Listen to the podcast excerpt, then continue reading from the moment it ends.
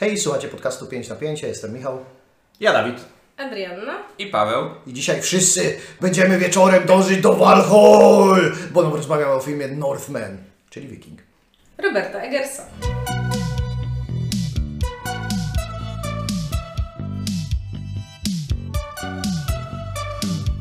Film fabularnie jest dość nieskomplikowany, to znaczy e, mamy młodego Amleta, który pewnego pięknego dnia spogląda w dal i widzi, że jego ojciec grany przez Ethana Hawke'a wraca z dalekiej podróży, tylko i wyłącznie po to, żeby za chwilę umrzeć, zabity przez swojego brata, no a cała reszta filmu jest tułaczką mającą się zakończyć mm, pewnego rodzaju vendetą. To przerwę Ci, albo w sumie nie przerwę Ci, bo skończyłeś. E, teraz dopiero właściwie zdałem sobie sprawę, że Amleth, czyli główny bohater tego filmu, to jest dosyć proste anagram słowa Hamlet, co może być e, ważne w dalszej części dyskusji. Aha, aha, bo nie Dosłownie moje pierwsze skojarzenie i zakładam, że każdego innego człowieka, który ogląda ten ja- film, więc jestem w szoku, że tego nie zauważył. Bo nie byłeś, nie byłeś z nami na seansie, ale ustaliliśmy, No. że jak Robert Eggers będzie robił adaptację Macbeta, to główny bohater będzie się nazywał Agbet. Agbet. Agbet. Amgbet, okej, starczy.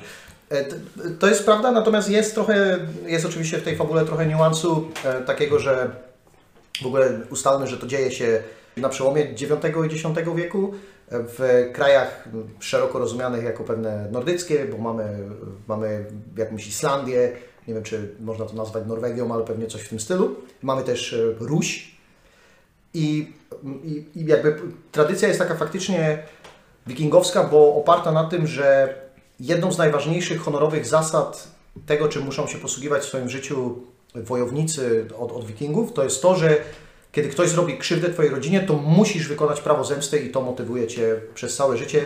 I to też ha, Hamle, Hamletha, tak? to jest Freudian Sleep od razu po tym, jak się domyśliłem tego, to prowadzi to do tego faktu, że cała jego motywacja właśnie wynika z bardzo prostego motywu motywacyjnego.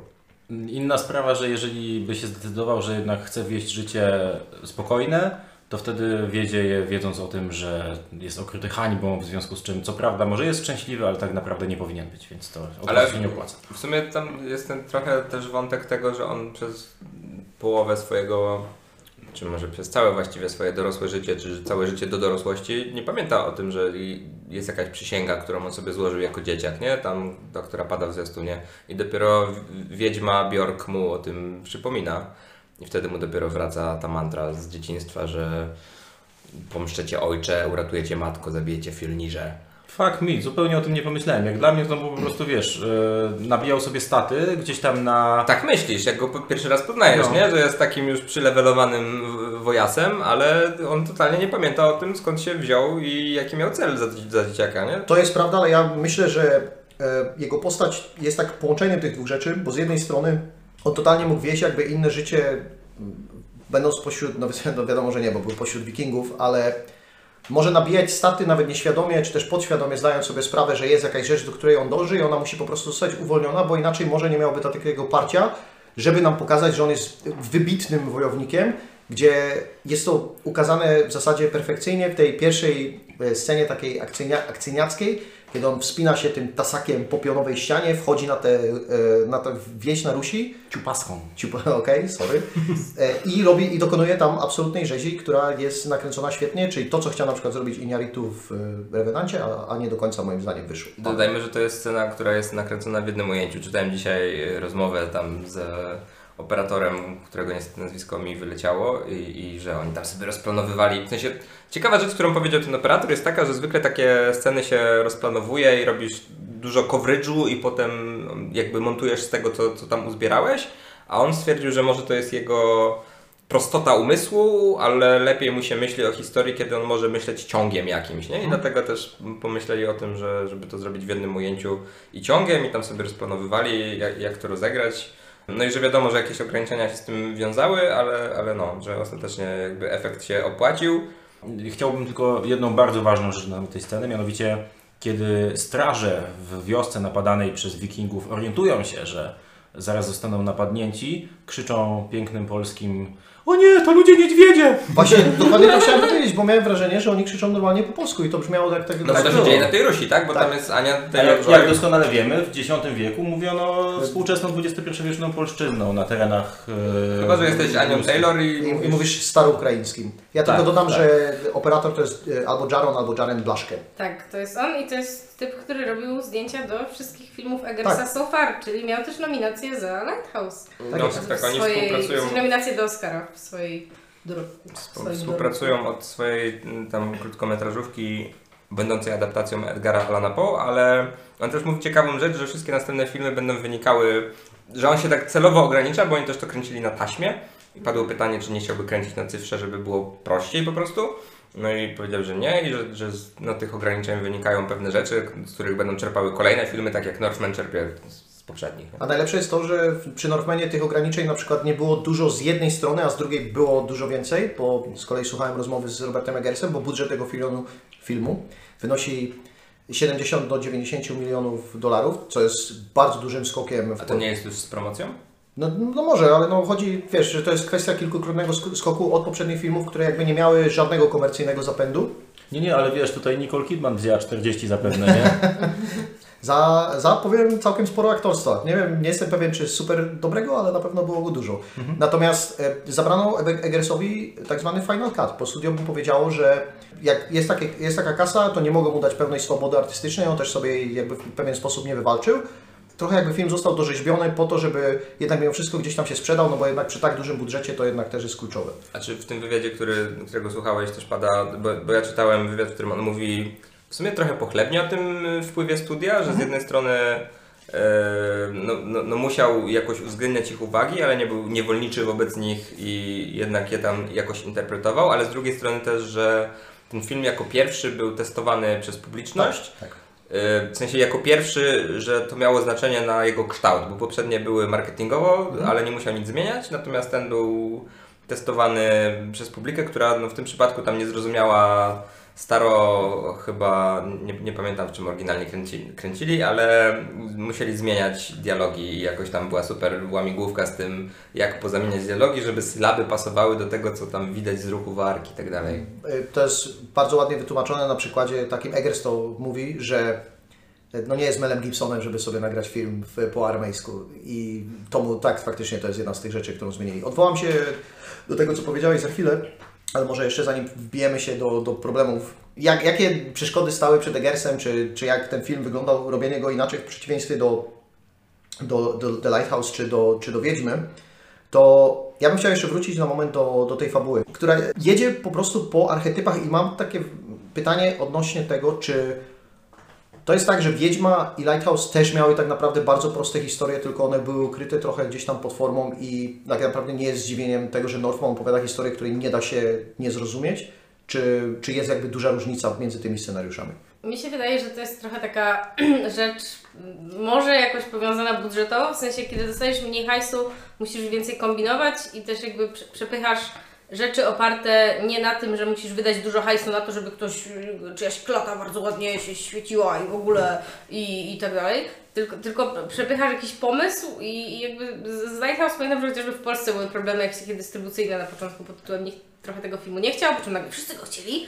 E, co było dosyć szokujące. Paweł, musiałeś masz, jako, jako kiniarz. e, Tak, to nie było do końca tak. mnie? Tak, to było? było, było bardziej tak, że o tym filmie było głośno, zanim było wiadomo, kto w Polsce go dystrybuuje. Potem się okazało, kto go dystrybuuje. Dystrybutor jest ten sam, czy to jest tam United International Pictures. No i oni zwrócili się w stronę kin studyjnych, ale to była jakaś bardzo szybka, szybka akcja. To znaczy, że Bo, bo od ja momentu. Właśnie, No, Przepraszam, że się wtrącę, ale bo ja właśnie jako osoba wtedy w ogóle nie związana jakoś z tak zwaną branżą, to, to ja pamiętam tylko to, że takie portale okołofilmowe gdzieś tam udostępniały petycje o to, żebyśmy w ogóle mieli dystrybucję Tak, tak, Lighthouse tak, czy tak, coś tak. takiego, nie? Więc ja, ja to z tej perspektywy pamiętam. no a po prostu było tak, że nie było wiadomo i potem. e, no, ale faktycznie były te petycje i potem ten dystrybutor też się odwoływał do tych petycji. Tam, no, nieważne, prywata.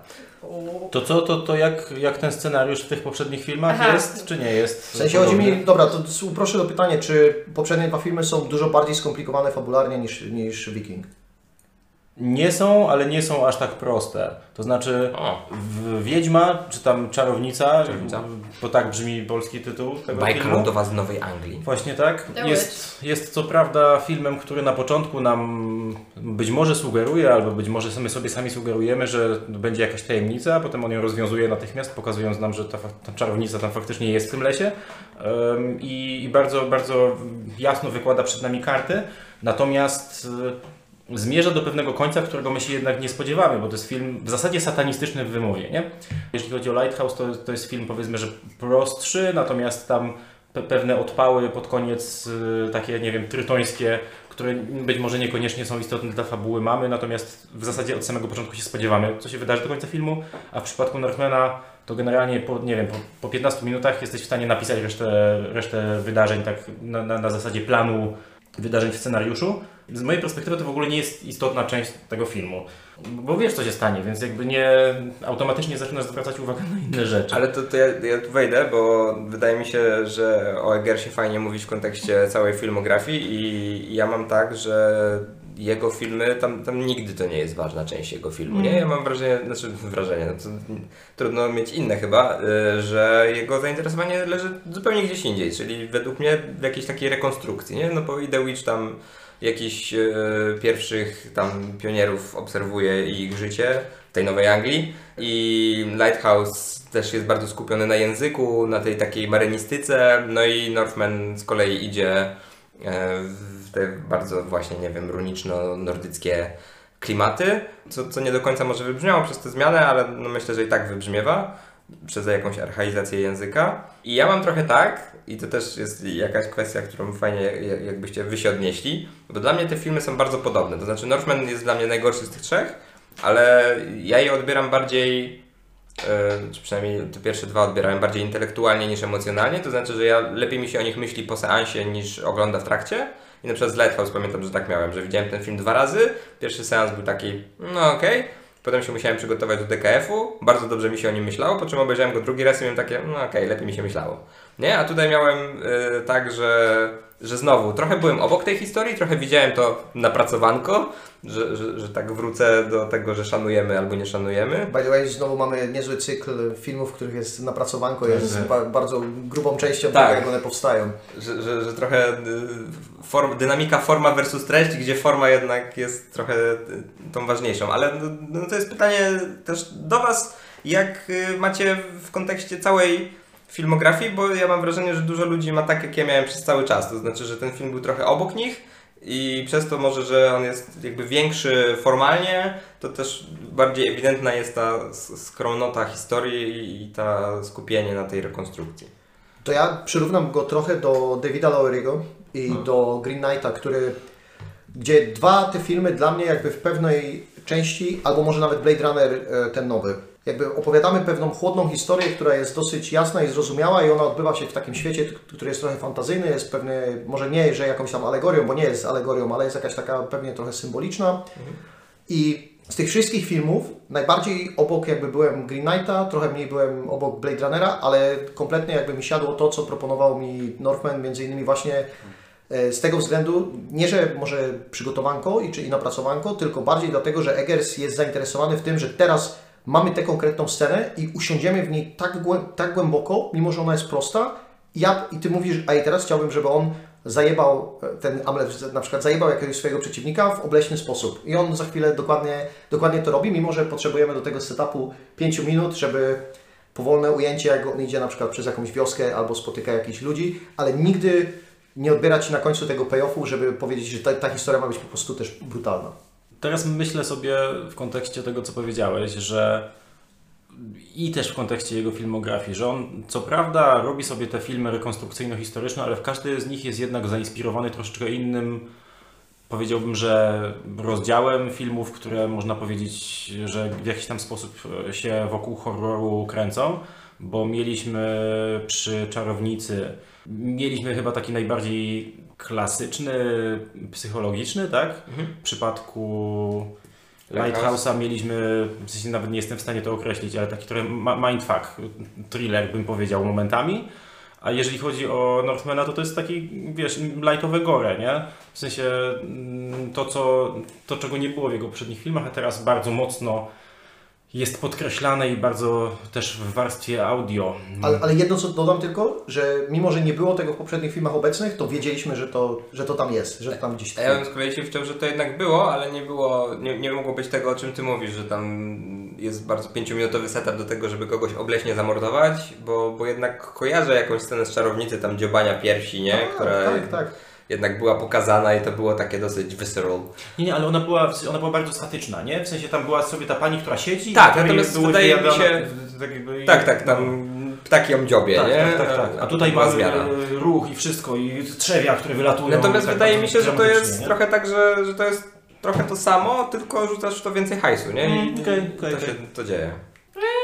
No ale ja się tak, w sensie, ja widziałam tylko Lighthouse, nie mam odniesienia do, Mhm. do, do Czarownicy i Lighthouse mi się podobał w tym, że jakby to, to był film, który ja siedząc jakby przekminiałam i jednocześnie on mi się po prostu bardzo podobał też gdzieś tam wizualnie jakby byłam zachwycona przede wszystkim po prostu na- napięciem istniejącym między dwoma panami na ekranie i to jest też coś, co bardzo mnie ud- uderzało właśnie po Northmanie, że, że, że tam jakby to jakieś takie napięcie i ten testosteron buzujący w przestrzeni miał sens.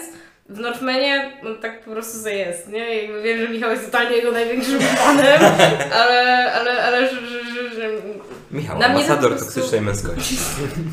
Totalnie tak. No ale po prostu, że tam dla mnie ta toksyczna męskość była jakimś konfliktem. Nikt nie próbował jakby do końca powiedzieć czegoś o niej, w sensie zrobić z tego lekcji, tylko jakby zrobić po prostu ciekawą jakby historię i też ciekawie ją przedstawić artystycznie, bo to jakie w Lighthouse pojawiają się piękne kadry właśnie o panie, właśnie takie bardzo ala greccy czy tam rzymscy bogowie, sorry, nie wiem jacy, którzy, ale... Ale w wiecie, sumie, w sumie trochę, trochę nordyccy nadal, nie? No tak, tak. Bo on jednak ciągle krąży w tych samych klimatach, ale chciałem tylko do tego Lighthouse'u, bo to, to o czym mówisz, wydaje mi się, że wszystkie jego filmy mają tę cechę wspólną, że one są jednak dosyć kameralne nawet, jakby niezależnie od budżetu, bo Northman też jednak się, jak już dojdziemy do tej Islandii, to siedzimy właściwie w jednej małej wiosce, w której tam jest pięć domków na krzyż i nie wiem, 20 osób w sumie, nie? A to jest w ogóle zrobione fabularnie, bo oni mówią mu, że ten Fjolnir został wygnany z Norwegii do z jego księstwa, które mogło być bardzo duże, przez Haraldra, czyli nie możemy się przenieść do jakiegoś potencjalnie miasta, które by trzeba było bardziej zrekonstruować, tylko wypieprzamy właśnie na, na, Na wiosnę. zbocze, zbocze jakiejś góry i wioski, która jest w Islandii. Je- Jedno z największych, w sensie jedno z największych rozczarowań pod tym kątem wizualnych, nie? Takich dla, dla Ciebie, że o, nie, nie mówię, że, że film Cię rozczarowuje, tylko że to co zobaczysz na miejscu, kiedy oni już dotrą, ku, już są u kresu wędrówki, tam są na, dosłownie jest kurwa na pagórku, się cztery owce pasą, To dwa jakaś domki na zagroda, krzyż, tak, wszystko tak, małe, tak. I w ogóle coś tam ukryte w ogóle w tym wzgórzu. Takie, co, co więcej, wszystkie domki są zbudowane w ten sposób, że da się przez nie wydostać troszeczkę jak w jak w a, czterech pancernych, nie? Chyt, chytra metoda, ale nie Ale to- to... I digress, kontynuuj. Yy, No właśnie, wrócę do, wrócę do tego Lighthouse'u. Tylko, że to, co w Czarownicy było skutkiem prawdopodobnie mojego budżetu i tego, że jesteśmy w na bardzo ograniczonej przestrzeni i jednak główną bohaterką jest osoba zależna, w sensie, że młoda dziewczyna, która jest zależna od swoich rodziców, więc ona się tam nie może specjalnie oddalić. W Lighthouse jesteśmy jeszcze bardziej ograniczeni, bo nie dość, że siedzi dwóch ziomków w latarni morskiej, to jeszcze mamy obraz w 4 na 3 i też ta czerni biel, która zabiera nam dodatkowe bodźce jesteśmy naprawdę bardzo skupieni na tym konflikcie i jest tak najprościej jak się da. A w Northmanie mamy nadal te same klocki, tylko że ten scope jest dużo szerszy i Tak. wydaje mi się, że z tego też wynika to, że mnie to trochę nie rusza, bo, bo, bo w sumie to, że jesteśmy nawet na tym zboczu wzgórza, na którym nic nie ma, to nadal możesz pójść w którąkolwiek stronę, nie? I jakby wiesz, oddalisz się 10 metrów, już cię nie zauważają, możesz biec i jesteś wolny, czy coś takiego, nie? Ja bym powiedział, że to jest bardzo kameralny epik.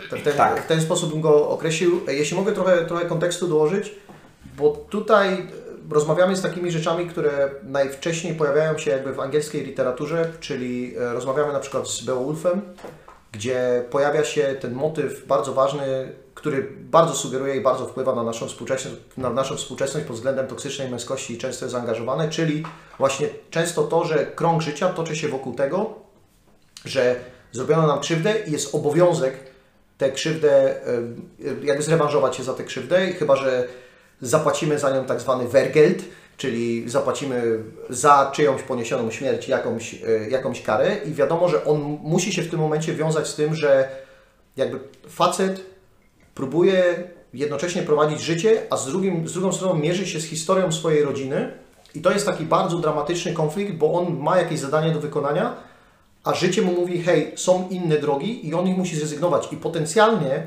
mimo że mówimy o tym jako, że to jest proste i że tam nie ma jakiejś wielkiej, głębokiej motywacji, to nawet już w X wieku nieznany poeta Beulfa mówił, że on próbował rozgryzać się z tym konfliktem, że nie do końca na przykład chce iść walczyć z tym smokiem, bo wolałby dożyć do końca, ale jednak y, w ostateczności podejmuje decyzję, że, y, że jakaś tam sprawa jest ważniejsza i to jest ta dramatyczna historia, w której jest zapłata inna niż w obecnym życiu. I pod tym względem myślę, że to nie jest jakaś taka apoteoza tego, że warto być toksycznym mężczyzną, który, który po prostu będzie chodził i zabijał i, to, i nie ma żadnych uczuć, tylko no to jest to taka rozkmina, nie? Gdzie, gdzie leżą moje odpowiedzialności w tym kontekście, w którym po prostu się znajduję. Bardzo fajnie, że to wszystko powiedziałeś, bo to jest też wstęp do tego, dlaczego ten film z, z Eggersów mi zrobił najmniej. Bo tak jak wcześniej mieliśmy pewne nie do końca jeszcze przez kulturę przetrawione konteksty, tak teraz mamy, mamy kontekst, który już mam wrażenie, że został wyjaśniony jakiś czas temu, nie? Czyli to, to takie najbardziej klasyczne y, mężczyzna musi być X. y, Jakby cała krytyka tego modelu już została wykonana, więc każda kolejna próba podejścia do niego jest albo, w sensie ten film nie próbuje robić krytyki, on gdyby, gdyby próbował, to wtedy byłby gorszy, nie? Mm, Natomiast to robi coś w rodzaju obserwacji, tylko obserwacji tematu, który już został, przepraszam, ale tak przeruchany, że przestaje być ciekawy. Dlatego, dlatego Eggers, dlatego że to jest już przeruchane, on może sobie pozwolić na opowiedzenie prostej historii, w której nie musi nas zaskakiwać na każdym kroku, tylko on po prostu tę historię prowadzi do końca i ona na każdym momencie jest kurwa epi, doepickniona do każdego momentu, nawet jeśli nie chodzi mi o skalę, tylko chodzi mi o E, Okej, podobały Wam się walki kurwa na ringu z Gladiatora, to ja Wam pokażę kurwa trzy razy lepsze mucki, nie? A na końcu jeszcze się będą pizgać na wulkanie. A jeszcze będzie tak, że on przyjdzie i on znajdzie miecz, który ma specjalne właściwości i jego można wyciągać tylko w nocy. A kojarzycie tego kolesia, co mu odgryzł nos na początku? To on jeszcze w ten nos do końca kurwa przez cały mózg wsadzi, e, wsadzi ten miecz, to ten. I to wszystko Wy dostaniecie, a to jeszcze będzie przy, przy pięknym ujęciu, jak się pali ta cała kurwa wiocha i my dostajemy tylko z perspektywy tych wieśniaków dorzucających tam dodatkowe pewne rzeczy. Wiseralnie ja byłem absolutnie kupiony za każdym razem, jak te rzeczy wjeżdżały. To właśnie dlatego ja nie, ponieważ ten film tylko i wyłącznie na poziomie, na poziomie intelektualnym mógłby mi coś zrobić, bo jeżeli chodzi o, o, o ten, ten poziom emocji, to tak jak mówię, nie, nie chwycił mnie. Hi, historia widziana tyle razy, że, że po prostu nie, nie jestem w stanie w nią emocji zaangażować i pomimo całego, że tak powiem, kunsztu, czy to kinematograficznego, czy to realizatorskiego, po prostu patrzyłem sobie troszkę z boku na ten film i tak jak wracając do filmografii Eggersa, na Czarownicy siedziałem jak na szpilkach. Na latarni powiedzmy, że wpadałem do tego filmu i wypadałem z niego, ale, ale on też miał swoje takie bardzo intensywne momenty, jak chociażby ta, ta burza morska. A tutaj, nawet w tych najbardziej potężnych momentach, kiedy oni się w tym wulkanie napierdalają, to ja dosłownie jedyne, o czym ja myślałem, to że szkoda, że ten film jest taki pruderyjny, że im tam chuje nie latają dookoła, bo to byłoby znacznie bardziej zabawne, nie? Interesting fact, tam chyba nawet było coś takiego, że musieli im dorabiać te... ym, Spodenki? Nie, nie, spodenki to oni mieli, bo kręcili to w ten sposób, że aktorzy mieli spodenki, ale że musieli dorabiać właśnie tam dyndające jądra, żeby dodać tego, że oni jednak są nadzy, ale z drugiej strony nie mogli za bardzo, żeby to nie było właśnie jakieś tam, nie wiem, użyję słowa gorszące, ale na pewno jest jakieś lepsze, nie? Żeby rating nie poleciał jeszcze bardziej, nie z R na tam e, 17, NC, nie? no. Tak. No, więc, więc, więc prawdopodobnie to, tak. Ja mam nadzieję, że pan Eggers ogólnie na wiszących jądrach jakby wyżył się bardzo budżetowo i, i wszystkim innym i Nicole Kidman dostała ile, tyle, ile powinna i przez to musieli zostać na dużą część filmu na ostatniej wsi, ale again, jakby nie, nie wiem, czy po prostu może mnie przytłacza to, jak tego jest dużo, jakie to jest całe pompatyczne i, i tak dalej, ale właśnie w tym mi brakuje tego, co, co na przykład widziałam w Lighthouse, że tam było trochę może nie że kombinowania, ale że jednak ta historia, pomimo tego, że jakby idzie streścić ją, nie wiem, pewnie w trzech zdaniach, nie? I ona sama w sobie jest prosta, to, to tam było takie kombinowanie na, rozwi- na rozwiązaniach formalnych, które nie wymagają tyle machania hajsem, co na przykład tego, żeby aktor zrobił ci robotę na jednym ujęciu, albo żeby operator zrobił ci robotę na ujęciu. To jest jakby to, czego mi gdzieś tam brakuje. Dla mnie ta historia nie jest jakaś angażująca i też jakby kiedy Paweł, czy ty, ty powiedziałeś o formacie 4 na 3 który film Eggersa miał 4 E, na Like, like, się, że Lighthouse. W sensie nie jestem pewien czy 4 na 3, ale no bardziej kwadrat niż prostokąt. Tak, tak, to, to mi przywiodło to, co zostało powiedziane na początku, a propos tego, że, że, że można gdzieś tam postawić może Loweriego gdzieś tam obok, chociaż uważam, że nie do końca, ale jakby miałam takie, oho, ho, Lowery też miał taki film, co był bardziej w kwadracie i wiecie, co to było Ghost Storym. Zajebisty I film, kosztował ogląd- 100 tysięcy dolarów. Oglądajcie Ghost Story, nie oglądajcie Northmana. E, cały mój przekaz. e, Ale- ale- spoiler, spoiler do filmu Runimara je placek w chujowy sposób. Zajebiste 7 minut jedzenia Spoiler do filmu Casey Affleck umiera. Proszę, to... tak. tak. Wró- wróćmy do Northmana Tak. może. Bo to, jakby gdzie ja st- stawiam Northmana w, w, w swoim jakby świecie filmów obejrzanych, to jest to, że, że on, jakkolwiek dobra, Green Knight u mnie działał tak, że za pierwszym seansem on zrobił mi mało, zrobił mi wizualnie, za drugim seansem zrobił mi odrobinę więcej i miałam właśnie takie, że, że, że jakby lepiej mi się splatała ta historia i może mam trochę ten case, co Paweł miał z Lighthouse'em, że przygotowanie do DKF-u i potem, oho, tylko że wtedy ja byłam po, po samym DKF-ie byłam taka, hej, a to w ogóle był świetny film, czemu ja go wcześniej aż tak nie lubiłam? To, to, to z Northmanem wątpię, że tak będzie i nie mam nawet jakiejś za bardzo ochoty go oglądać drugi raz. Ale chodzi mi o to, że je, film 4 na 3 obok, film, który jest jakąś taką dosyć epicką historią, która no, no mi na przykład po prostu przez to, że w ogóle mnie nie angażuje emocjonalnie. Ja to tak oglądam, to jedyne jak jest mi w stanie robić to jest wizualnie. Uwaga, to nie jest opinia moja, ale myślę, że to zależy też od gatunkowości trochę. Sean Fancy z The Big Picture twierdzi, że Lighthouse to jest komedia. Ja się zgadzam z tym w 100%. Okej. Tylko ona jest ciężka do zrozumienia z żartów, ponieważ oni mówią tym językiem, który tam nie do końca siada, ale performance'y i tak dalej. Jeden to jest straight man, jeden to jest funny guy. No i wiadomo, wiadomo jak to wygląda. Natomiast tutaj mamy, i to mi się bardzo podobało, wśród obecnego kina tutaj w filmie nie było mrugnięcia okiem w żadnym momencie do, do widza. Graliśmy to od początku do końca tylko i wyłącznie straight. Nawet jeśli Willem Dafoe był postacią, która jest śmieszna, to on i tak pełni poważną funkcję i on mówi tak, okej, będą czary, będą czary, pewnie, będzie pewien umagicznienie tego filmu, to będzie zagrane bardzo mocno, ja nakręcę to creepy. Quest, który można by potraktować, że hej, to jest trochę śmieszne, albo jest Olga, która jest e, czarownicą, to możemy podegrać trochę na śmiesznie. Eggers tego tak nigdy nie traktuje, a żadnego takiego filmu pod względem epickości trochę nie było od, od Gladiatora, nie? Bo nawet Green Knight jest, jest trochę playful i Gladiator jest tu jakimś punktem odniesienia, bo Eggers, Eggers też się do niego odwołuje w, e, w swoich rozmowach, nie? Że jest jakiś czarny charakter, że jest ten, że nie wszystko jest pewnie czarno-białe, ale wszystko jest rozegrane super serio, a często jest ryzyko przy robieniu filmu super serio, że będzie traktowane żałośnie, nie? A nic w tym filmie nie jest jakby żałośnie, nie? Bo jednak nawet w najgorszym przypadku, jak nie odbieramy tego filmu, to ten profesjonalizm napracowanko gdzieś tam sugeruje nam, że nie oglądamy coś, z czego się będziemy śmiać za na przykład 20 lat. Bo to, to jest film, który jak ja obejrzałam, to totalnie pomyślałam sobie, pozdrawiam teraz mojego kolegę Matisia, który totalnie pomyślałam, ej, ej, Ma- Matiś pokocha ten film, bo to jest w ogóle gatunek, który on lubi, to jest jakby totalnie dobrze zrobione kinko gatunkowe, takie w sensie, nie wiem nawet jak określić ten gatunek, bo odbyłam też tam rozmowę. to jest, to jest historical epic, nie? Tylko No o właśnie, bo, bo, bo ja przyszłam do mojego innego kolegi, pozdrawiam Cię Paweł, e, z, z kolei z tym, że ja powiedziałam coś, że to dla mnie jest jakieś takie fantazje. On popatrzył na mnie jak na idiotkę i, i, i, i rzeczy- rzeczywiście za- zaczęliśmy tą rozmowę i on był taki, no nie, czas jest określony, miejsce jest określone i właśnie, że- że on był bardziej w tym, że to jego zdaniem jest jakiś film historyczny i wtedy zaczęłam mieć pewne wątpliwości. Ja bym powiedział, że po Gladiatorze był taki film i się nazywa Królestwo Niebieskie, który został zmasakrowany przez producentów, ale który jest, jest, jest moim zdaniem lepszym filmem niż Gla- Gladiator w wersji Reżyserskiej. tak. No tak, ale to znowu musimy, wiesz, trochę dochodzić do takiego momentu, no jak spojrzysz na YouTube'a, ja wiem, Okej, że to nie jest to samo tak, i, tak, tak. i, i wiesz, Tak, będzie tak. zmontowane tam przez fana, tam coś, wiesz, wiesz, wiesz o co chodzi, ale, ale tak, rozumiem, ale też posługuje się pewną hiperbolą. E, Ja bym wrócił na chwilę do tego rzucania hajsem, bo też mam wrażenie, to też jest ciekawe, e, znowu insight branżowy, bo ten film jest trochę reklamowany jak blockbuster, nie? W sensie poprzednie filmy Eggersa miały jednak jakieś takie bardziej artystyczne plakaty, no też tego hajsu nie było tyle, tam, budżet z tego co pamiętam to Czarownica to ma 5 milionów, Lighthouse 8, a y, Northman 60 i dlatego miałem wątpliwość, ale to może jest... Na Wikipedii jest 70 do 90, nie? więc to jest jakby, Ale to-.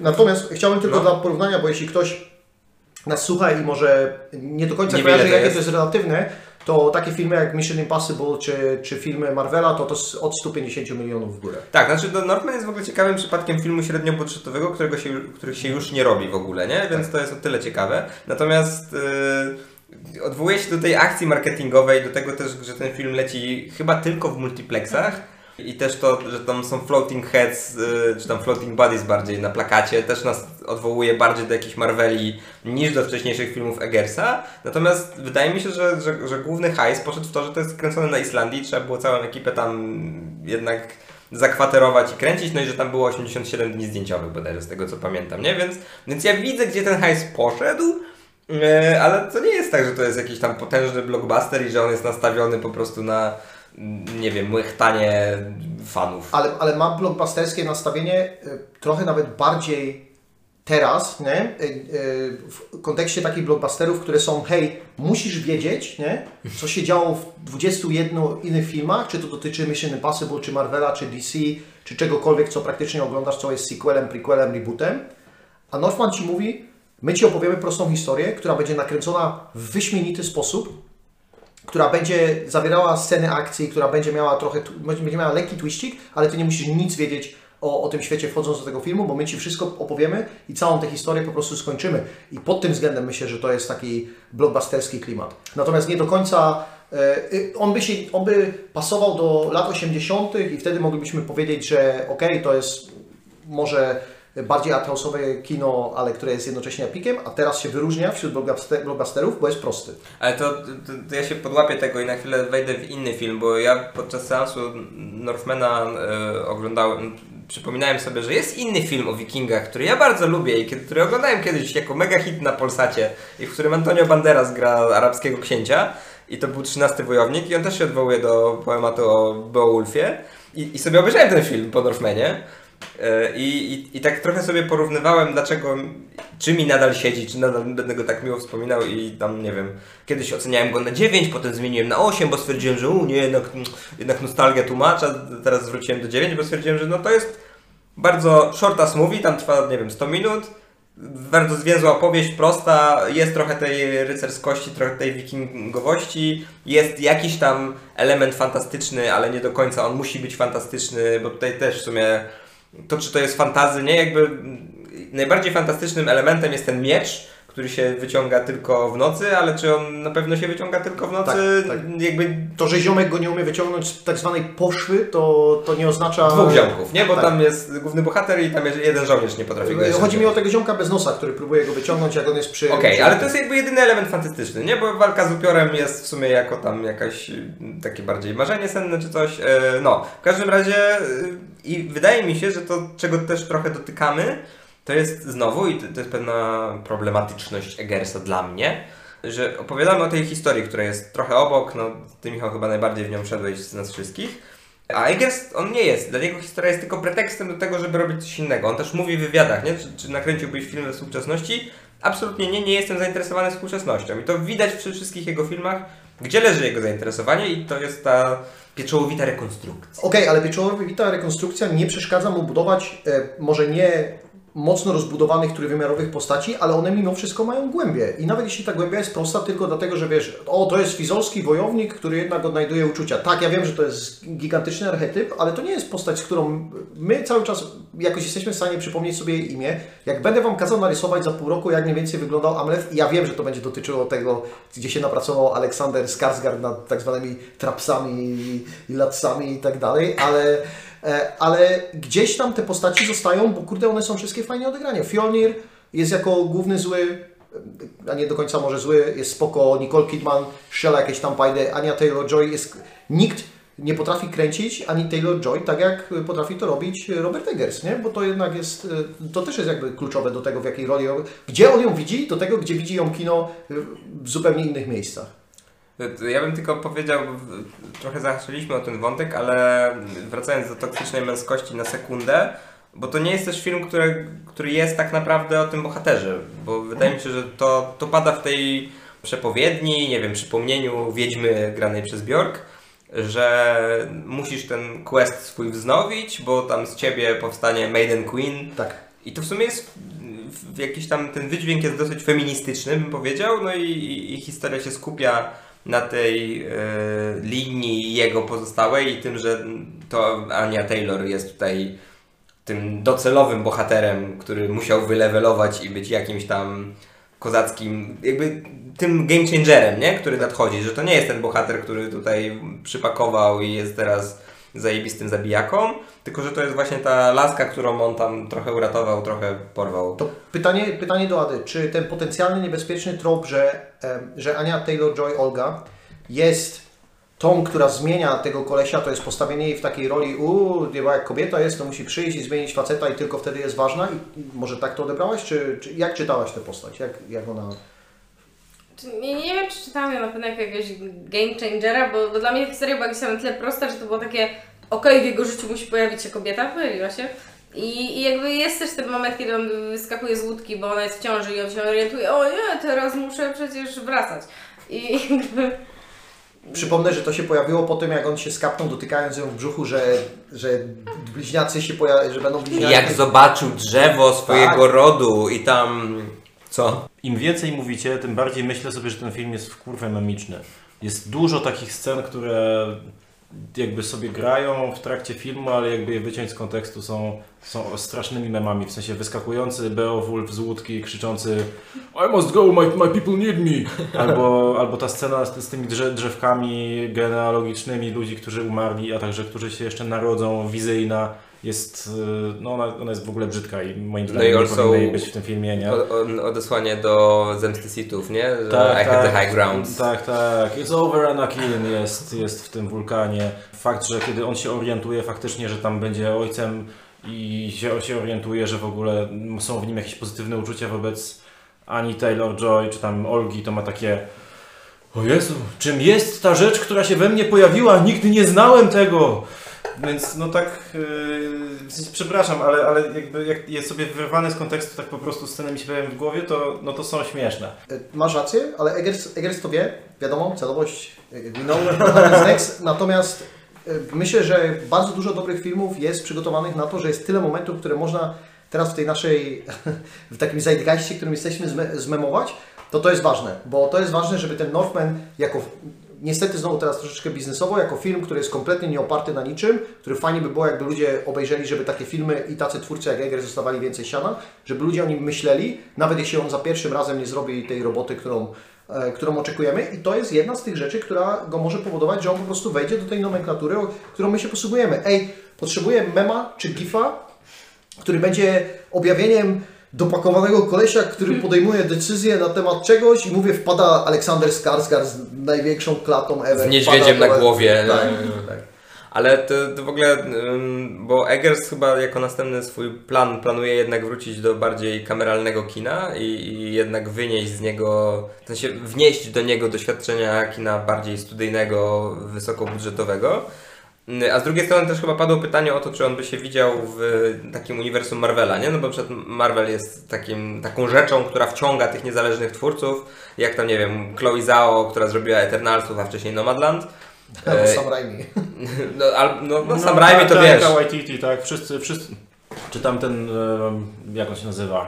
Mm, Od, od, No ale Ryan Johnson też, jakby, no, Tak. jakby wiesz, jakby lista goes on and on. No, Ryan, Ryan Coogler, to jest nazwisko, które używam. No, mów. Okej. Ale, ale, e, ale obaj Ryanowie... O, Ryan, wszystkich Ryanów wciąga. E, Reynoldsa kilkukrotnie. E, no ale w każdym razie, że Eggers jednak e, wydaje mi się, że on jest bardzo świad- samoświadomym twórcą i to mu trzeba oddać i że też e, jest bardzo autorski w tym, co robi, w swoim podejściu i tym, gdzie leżą jego zainteresowania. I pewnie na chwilę odszedł od studia A24, ale być może jeszcze kiedyś wróci. Ale no, zm- zmierzam do tego, że z jednej strony Northman jest takim kinem, które no, w sumie w dzisiejszych czasach trzeba celebrować, no bo faktycznie jest filmem no, w jakimś sensie oryginalnym, no ten Beowulf tutaj się gdzieś pojawia jako źródło, ale no jednak jest to ym, original content, Mhm. nie wiem, czy IP, original IP Mhm. Eee, i, i raczej nie będzie sequela. Northman 2 Zemsta Wikingów Valhalla! Zemsta Olgi albo powrót Olgi. Olga, Olga- Olga wyje- wyjechała do Japonii uczyć się karate. Tak, ale e, jednocześnie e, ten e, karate, ale też w Shaolin wymyśla jak z Walholi ściągnąć, Aleksandra Skarsgarda, który wraca po to, żeby jej wręczyć Droigra, żeby ona zabiła Fjolnira jeszcze raz. Co, już mogę sprzedawać ten skrypt do spec script napisany? E, Tak, tak, jakby to jest nagrane, Le- prawa są po naszej Leslie stronie. Nielsen ma w tym grać, ale muszę to wskrzeszyć najpierw, nie? No ściągną go z Valhalla. nie? Eee, fajnie, no mamy hologramy, no bez przesady. To, to będzie ten kolejny film, nie? Bo tego jak mówiliśmy o następnych planach Eggersa, to czy on nie robi Nosferatu? Następnego? Ale Nosferatu, Nie. Nosferatu chyba trochę umarło. Ale wróciłbym jeszcze do, do Northmana, bo wydaje mi się, że to jest dużo rzeczy, do, o których ja bym chciał sobie trochę pogadać z, z samego filmu. Please do. E, I na przykład bardzo mi się podobały te wszystkie koncepty. Ja zazwyczaj nie lubię tych scen w przeciwieństwie do naczelnego narkomana e, podcastu 5 na 5 którego nie wskaże palcem Dawid. E, I, I te wszystkie sceny, kiedy były odgrywane te role, te, te szamańskie, które normalnie one są pierwsze do gardzenia, by, bo bohater dowiaduje się od kogoś, kto wie więcej, ale tutaj zarówno Willem Dafoe, jak i Bierk, jak i nawet e, pod pewnymi względami postać Olgi, one odgry- odgrywały ważną rolę. Aha, i ten He Witch, bo tak jest nazwany w opisie, który miał głowę e, Willema Dafoe, to oni te postaci odgrywali znowu. 100% serio. I cała forma, jakby cały formal, który był koło tych scen, to też sugerował, że powinniśmy ich traktować serio i oni nie opowiadali absolutnych pierdół, ale jednocześnie też wyciągali wnioski z tego, co oni wiedzieli wcześniej, czego mogli się domyślić i bazowali też na pewnej takiej psychologii bohatera. To mi się skojarzyło trochę z Nightmare Alley, czyli z tym graniem, graniem tego, co postać Ci mówi, nic Ci nie mówiąc, bo możesz to odczytać z takich faktów, które, które tak trochę każdego mogą dotyczyć, jak odpowiednio przeczytasz, że jest tylko sześć osób na świecie i wiesz, że, że pewne rzeczy, pewne motywy się powtarzają. I to mi się strasznie też podobało. W ogóle, w ogóle scena, mm, kiedy głowa Willema Dafoe zaczyna mówić jako Willem Dafoe, którego w ogóle jest bardzo mało w tym filmie i się dziwię, że dostał swój autorski plakat, w którym ma wysokie czoło i coś tam dziwnego się zadziało z dziejowe z jego głową. To, to, ja, to ja przejdę do tego, co jednak mi tam siedzi w, w, Northmanie trochę, nawiązując do tego, o czym powiedziałeś, czyli na przykład to, jak on się bawi tymi scenami, nie? Bo, bo scena, w której to, że jest wygrany na super poważnie, nie? I tam nie ma w ogóle żadnego żartu, bo scena- scena jakiejś takiej inicjacji, Tak. kiedy Amlet razem z ojcem idzie do tego Willema Defoe i tam przy ognisku w sumie jest pytanie, ej wy, czy tam, czy tu jakieś szczenie przyprowadziłeś i oni tam szczekają jak psy i to mogłoby być śmieszne, Tak. w sensie tak niezamierzenie śmieszne, ale trochę przez to, że to jest wygrane na poważnie i, i jakoś tak, jak to jest zrobione, to, to wypada jednak na serio, nie? I też myślę, że, że ta scena tym wygrywa, no i, no i to, że no potem faktycznie nie, nie, nie wiem jak oceniamy scenę narkotycznego uniesienia, ale już widziałem przynajmniej w jednej e, recenzji, że, że jest, y, jest to dobra scena, która przejdzie do historii kina. Nie wiem, czy może do historii kina, ale że zostanie zapamiętana jako jedna z lepszych. Mówiąc o tej scenie w ten sposób i o powadze tej sceny, to ważne jest to, że ona jakby pasuje nam cały czas w kontekście tej fabuły i to jest jakby ważne, bo ojciec, czyli Ethan Hawke, przychodzi nauczyć czegoś swojego syna, wyzna... trochę jakby może wiedząc, gdzie jego żywot zmierza, bo w takich czasach, w tym świecie, mając jakiegoś brata, który ma czarne włosy i czarnego wąsa i czarną brodę, to było wiadomo, że, że on będzie dążył tylko i wyłącznie do swojej zguby. I on musiał przygotować tego syna na coś i my jakby jesteśmy w stanie to przyjąć, bo jest tam między nimi jakaś relacja, syn jemu ufa kompletnie, a poza tym jesteśmy w tym elemencie, nazwijmy to bajki, mm, przejścia tego rite of passage, że on musi coś przejść i ten rite of passage może być zrobiony śmiesznie, Rytuał przejścia po polsku? dziękuję, to jest, to jest ważne. Y, Przypominam, studiowałem filologię angielską, nie znam żadnych odpowiedników. Ten y, Castle of Perseverance będzie mi się śnił do końca dni. Nie wiem nadal, co to jest. Y, I w związku z tym my to kupujemy, bo to nie jest zagrane na tym, że jego ojciec z niego pizga, tylko jego ojciec robi dokładnie te same rzeczy, których my... Dziecko nie jest, nie, nie jest traktowane niepoważnie, a mogłoby być i wtedy, wtedy my byśmy się z tej sceny też śmiali, a Eggers nam na to nie pozwala. Ale tylko dodam, że, że tam w sumie jest też jakiś taki tykający zegar w, w pierwszym akcie, bo Ethan Hawke jest, domyślamy się, że może być śmiertelnie ranny i, i to sprawa, sprawia, że on tego syna zabiera na ten rytuał przejścia, nie? I, Tak, że musi go szybko wdrożyć w rzeczy, bo może będzie jego następcą i trzeba go przygotować. z drugiej strony to, co robimy, czyli setup i payoffy. On mówi, Nicole Kidman, e, Nicole Kidman chce z nim spać do łóżka. On mówi, no. I w tym momencie, no już jest jakieś takie, bo on wtedy zaczyna ten wykład, że on musi umrzeć na polu walki i Tak, tego tak. typu tam honorowe rzeczy. No i potem się faktycznie dowiadujemy na koniec filmu, no, że Nicole Kidman w sumie go nie kochała i ten Fjolnir jednak był lepszy niż Arvan Doyle. I scena, w której to wychodzi, to jest autentycznie jedyna scena, która zrobiła mnie jakkolwiek emocjonalnie, w sensie scena, nie wiem, czy można to nazwać potyczką, y, ale bo po prostu jakiś- Konfrontacją. ko- konfrontacja, to, to chyba jest to słowo, między właśnie synem a matką, kiedy wychodzą jakby rz- rzeczy właśnie, które może są jednak nadal w jakiś sposób niespodziewane i to jest jedyny moment, kiedy ten film może zrobić jakiś twist i to jest takie wow, chociaż no, no jakby w, chyba w oryginalnym Hamlecie pani matka Gertruda też tam trochę jednak była za hejtaniem się z wujem, nie? Więc może Ale to, to, nie już, jest ale to już sięgamy do też antycznej Grecji, nie? Tak, no, Okej, excuse. W każdym razie to jest, to jest jedna scena, która ma dla mnie jakieś po prostu napięcie takie widoczne i to jest właśnie ten element, którego brakowało mi jakby w, w tym filmie ogólnie, że, że dla mnie to, że te sceny są popchnięte do granic, są piękne do granic, są duże, w jakimś takim ogólnym znaczeniu do granic, daje mi zero emocjonalne. I, ale, ale co do wizualiów, do których też chciałabym kiedyś przejść, bo to jest jakby autentycznie jakby ta warstwa, za którą ja ten film nadal szanuję i, i ciężko mi powiedzieć, że on jest, nie wiem, złym filmem, bo, bo, bo po prostu ja na nim się może nudziłam. Ale, ale nadal jakby widziałam, nie? To, że historia okej, płynie, odhaczone, yy, spoko, ale to, to jakby tak jak mówiliśmy o tym, jak Eggers potrafi filmować Anię Taylor-Joy, nie? Ania Taylor-Joy ma w ogóle bardzo fascynującą twarz i jestem trochę nią zachwycona. Ona ma dosyć szeroko rozstawione oczy. I to, kiedy oni robią ujęcia, w których jej twarz jest oświetlona do połowy, w sensie tak wy- wybitnie po połowie, to, wyglądają po prostu tak ładnie, że, że to mogły też być te sekundy, kiedy nie obchodziło mnie to, że ogólnie film mnie nie obchodzi, tylko miałam takie wow. I, i, I to jest jakby też jedna z niewielu rzeczy, która się dla mnie dzieje. I kolejna rzecz, która dla mnie łączy ten film z Green Knightem, jeśli chodzi o wizualia, to jest bardzo ładnie zrobione światło. Ja właśnie nie wiem, czy to naprawdę wymaga 10-milionowych budżetów, żeby mieć jakby tak pomysłowe oświetlenie w filmie i, i jakoś tak wykorzystane. Może. To ja tylko na chwilę wejdę, bo ten operator, którego już nie pamiętam. Blaszky. Okej, on mówił właśnie o tym, jak oświetlali i że wszyscy myślą, że on z Eggersem używają w kinach, y, w filmach naturalnego światła, ale oni tam napierdalają dużo elektrycznością. No i że używali mniej światła niż zwykle się używa w scenach nocnych, bla bla bla, bla ale no było tam postaranka trochę i plus to, że w scenach nocnych używali jakichś tam żelów i czegoś, żeby osiągnąć ten look. E, Natomiast ja bym wrócił do tego, o czym powiedziałaś, czyli tej sceny mm, konfrontacji syna z matką, bo wydaje mi się, że to jest w sensie, że ta scena wygrywa pewnym, pewną, pewnym napięciem kazirodczym. I, i to jest to, czego kino nie, nie podejmuje raczej. I to jest pewna nowość, którą Eggers tutaj odważnie jednak forsuje, bo faktycznie, bo to, co się dzieje w tej scenie, to jest, no to tam ja też czułem jakieś takie jedyne zaskoczenie. Ale mam wrażenie, że w kontekście filmu tego Eggers Cię ustanawia w to w tym takiej jakby psychicznej pozycji, że mówi Ci, okej, spodziewasz się tego, że tam będzie incest, nie? że tam będzie kazirostwo i Ty mówisz, okej, Ty wiesz dobrze, że to nie jest normalne, ale jakoś tak jak oglądasz ten film, to mówisz, no tak trochę wiedziałem. Ja, ja tylko czekałem, aż wiesz, aż Amlet powie, stepująca matko, co ty robisz?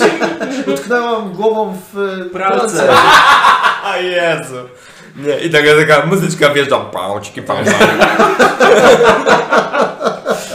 A, tutaj widzę, że foreshadowing do tego, że będziemy o X mówili. Film Dobrze. X już za tydzień, tak.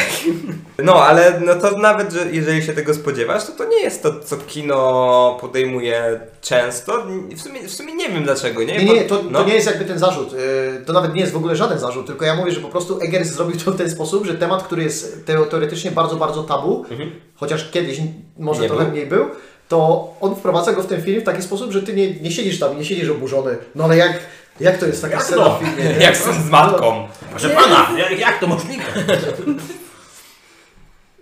Ale z jednym się nie zgodzę e, pod tym względem, że cały film ma się oprzeć na tym, że jest tylko jedna scena, w której jest twist.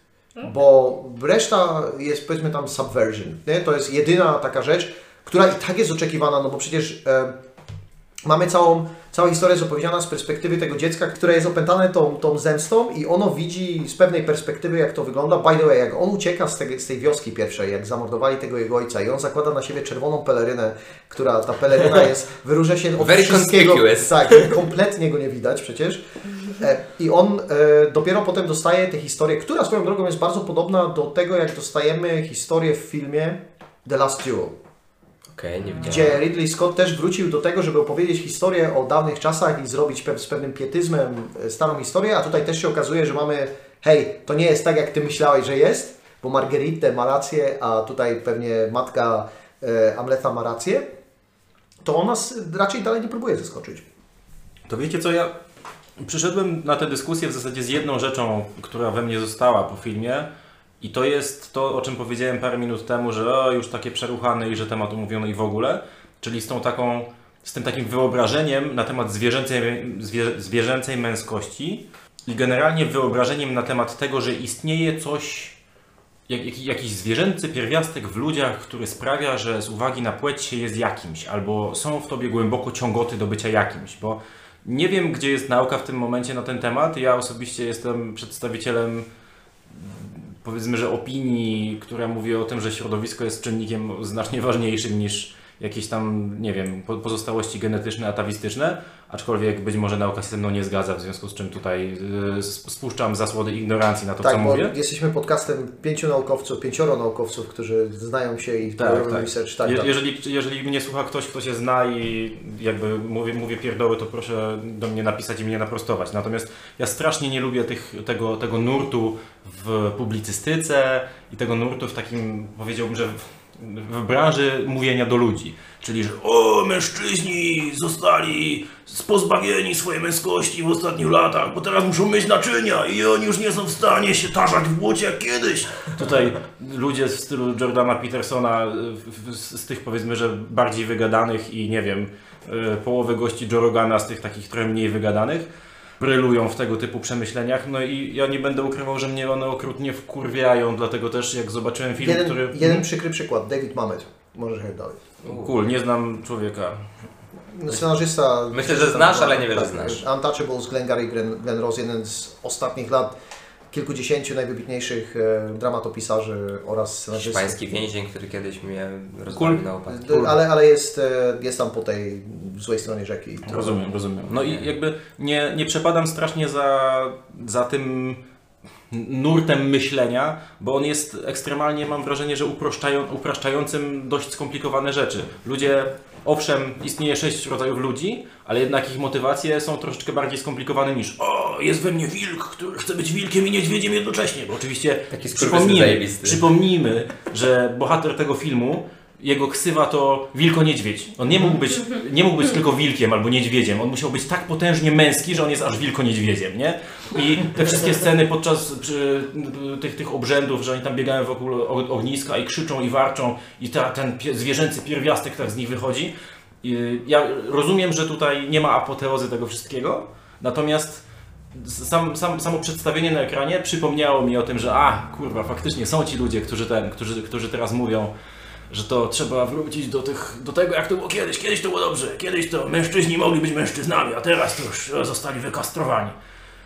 Jakby ko- koniec, koniec mojego przemyślenia. Ale to tylko wrócę do tego, o czym gadaliśmy po seansie, że z jednej strony film jest trochę krytyką tego, znaczy nie tyle jest krytyką, co mówi hej, takie rzeczy się dzieją, to może nie do końca prowadzi w dobre miejsca i na tym kończy swoją obserwację. Ale to jest dokładnie to, bo to jest znowu tego odczyt tego filmu będzie zależało od tego, z którego miejsca chcesz podejść do tego, że to jest Fight Club, że to jest Wilk z Wall Street i ty powiesz, no kurwa fajnie jest być dojebanym wikingiem, który zajebuje wiarę, droidrem i masakra, a mimo, że koniec filmu ci mówi, no ale nikt na tym nie chodzi za dobrze, nie? No dobra, on może leci do Walholi, nie? A- Ale będzie widział swoje dzieci i Olgę więcej? No nie za bardzo. Ja nie, ja nie czynię z tego krytyki Tak, filmu, tak, ja się tak, dzielę tak. przemyśleniem takim powiedziałbym, że około społecznym, nie, Absolutnie. które film wywołał. Absolutnie. Czy inaczej, ten film ma gigantyczny potencjał na to, żeby być mową właśnie do tego, o czym mówisz, nie? Czyli my musimy wrócić do tego, że model męskości jest taki, że o rodzinę się walczy, a nie tkwi się w tej trochę nieprzyjemnej sytuacji, że tak codziennie się trzeba trochę nią zajmować, bo twoją odpowiedzialnością jest stworzyć to, że I gdzie mieliśmy na to trochę rozmowę, z, jak oglądaliśmy ostatnio Wszystko Wszędzie Naraz, gdzie z kolei okazywało się, że na koniec e, Wymund jednak ważniejszy jest jako ta osoba, która jest obecna, która ma cierpliwość, która ma dobro i Olga poniekąd chce i oczekuje tego od Aleksandra Skarsgarda, który od, e, od Hamleta, przepraszam, Hamleta, e,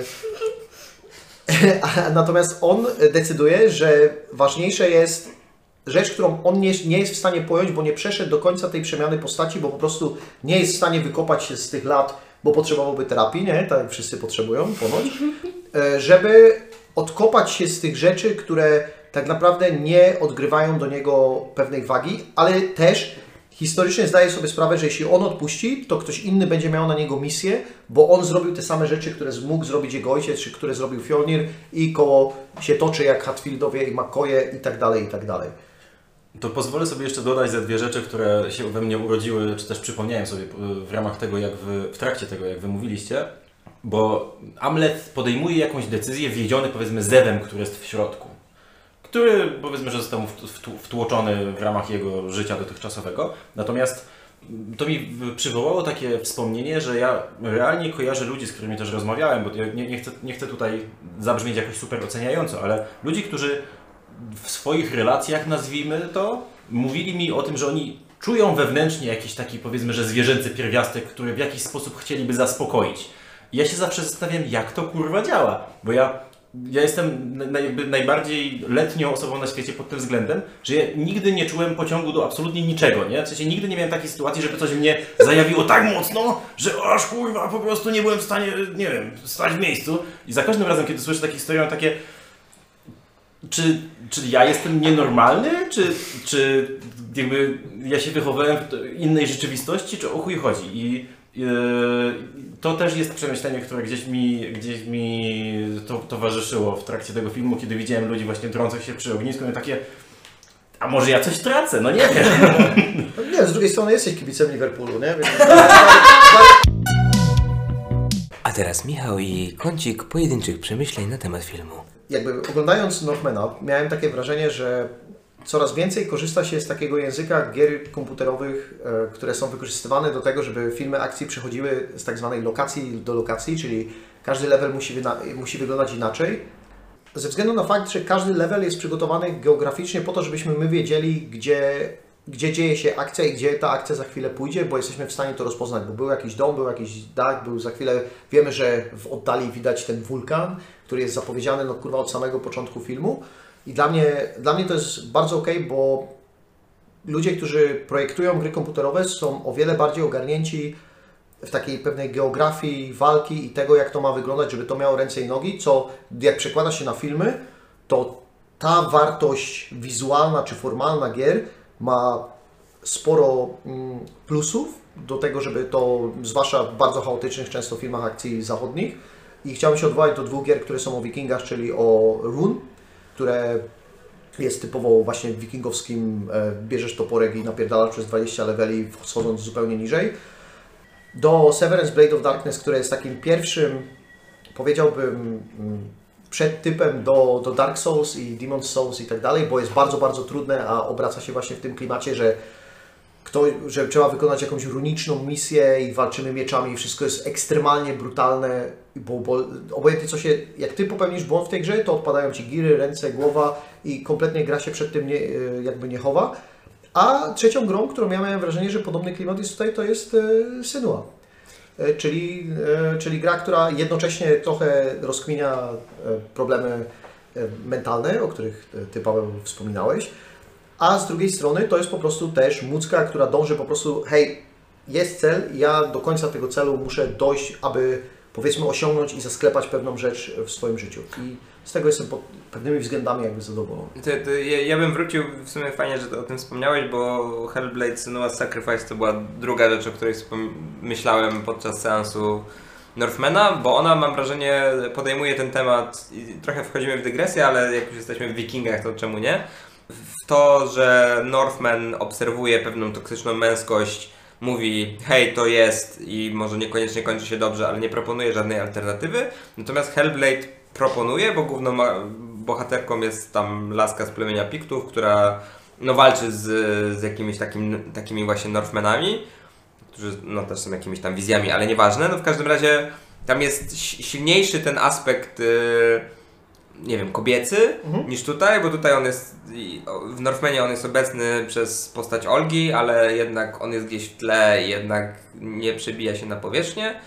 E, A tam jest y, z jednej strony ta wartość rekonstrukcyjna jest podobna jak w Northmanie, a z drugiej strony mam wrażenie, że więcej jakby ciekawszych rzeczy zostało zrobionych. Z trzeciej strony to też jest bardzo kameralna gra, e, która niby jest rozbuchana, a, a, ale jednak jest bardzo właśnie skromna, skupia się na niewielu bohaterach i, i, i, i prostej opowieści, więc w sumie no, 13 Wojownik i Hellblade to są, to są moje wnioski z Northmana, nie wiem. No okej, ja mam Severance, Blade of Darkness, e, mamy też e, e, Zemstę Sithów, mamy, mamy mnóstwo rzeczy, Rob Roya pewnie można by przywołać. No tak, takie są fajne, fajne rzeczy, które wracają z kina, które często nie były robione serio, a tutaj wszystko było jakby robione na serio.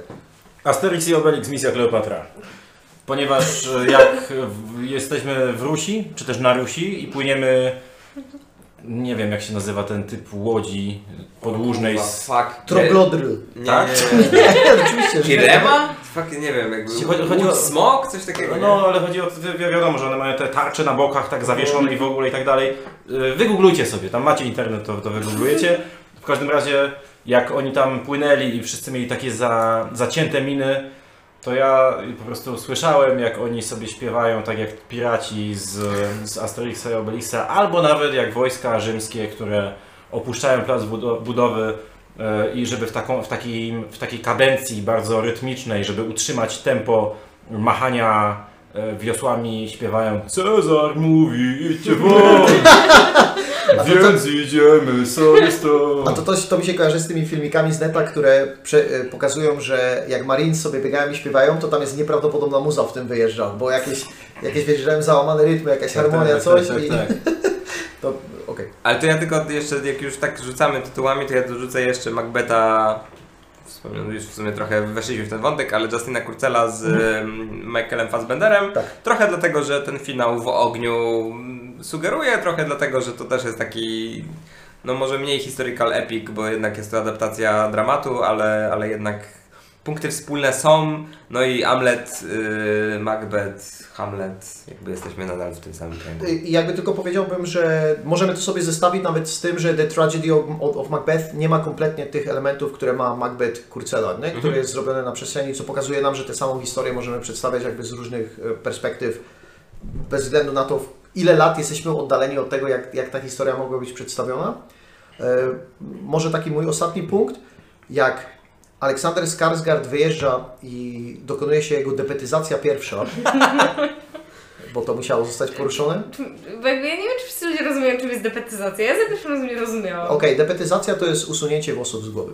Ponieważ włosy na głowie to są pety, tak? Tak. Czego nie rozumiecie, nie? Jak coś, to byłam z wami. E, To on ma założony, jest, jest jakby chyba taka decyzja, że on teraz będzie wyglądał jak wieśniak i zakładają mu taki worek ziemniaków na, na klatę i ta klata jest jakby niewidoczna, w sensie nie przebija się przez ten worek i on nie rozrywa go jak Arnold Schwarzenegger w filmie Junior. E, tylko e, jednocześnie dodają mu to, że zakładają mu garnek na głowę i, i robią mu taką przedszkolną fryzurę, że, że dookoła tego garnka obcięte włosy i oni mówią, no, on teraz jest brzydki i nikt nie rozpoznaje, że jest najbardziej dopakowanym, dopakowanym kolesiem. Kompletnie nie pamiętam tej sceny, nie Znaczy w sensie oni mu nie usuwają tych włosów, tylko po prostu w jednej scenie już nie ma... W jednej ma, ma długie pety, w drugiej Tak, stronie tak. ma fryzurę od garnka, tak. A, i a, ostatnia, ostatnia, ostatnia myśl, ten film kompletnie się nie jebie z tym, żeby wrzucić mecz piłki nożnej w trakcie, w sensie Quidditcha i to, i to, jest, i to jest naprawdę najlepsze wydarzenie sportowe, jakie, jakie mogłem w życiu widzieć. to No, jest prawda. A czy to nie jest jakieś takie bardziej rugby czy coś? Dzisiaj czytałem, tak, dzisiaj oczywiście czytałem, jak się ten sport nazywa. On się nazywa coś typu Kirkrit, Kröpniszladen. tak, ale oni grali w piłkę taką, która by była Quidditchem, gdyby J.K. Rowling się nie peniała wszystkiego w swoim życiu. Dziękujemy za wysłuchanie kolejnego odcinka podcastu 5 na 5 i zapraszamy na następny odcinek, który będzie o filmie X. Do usłyszenia.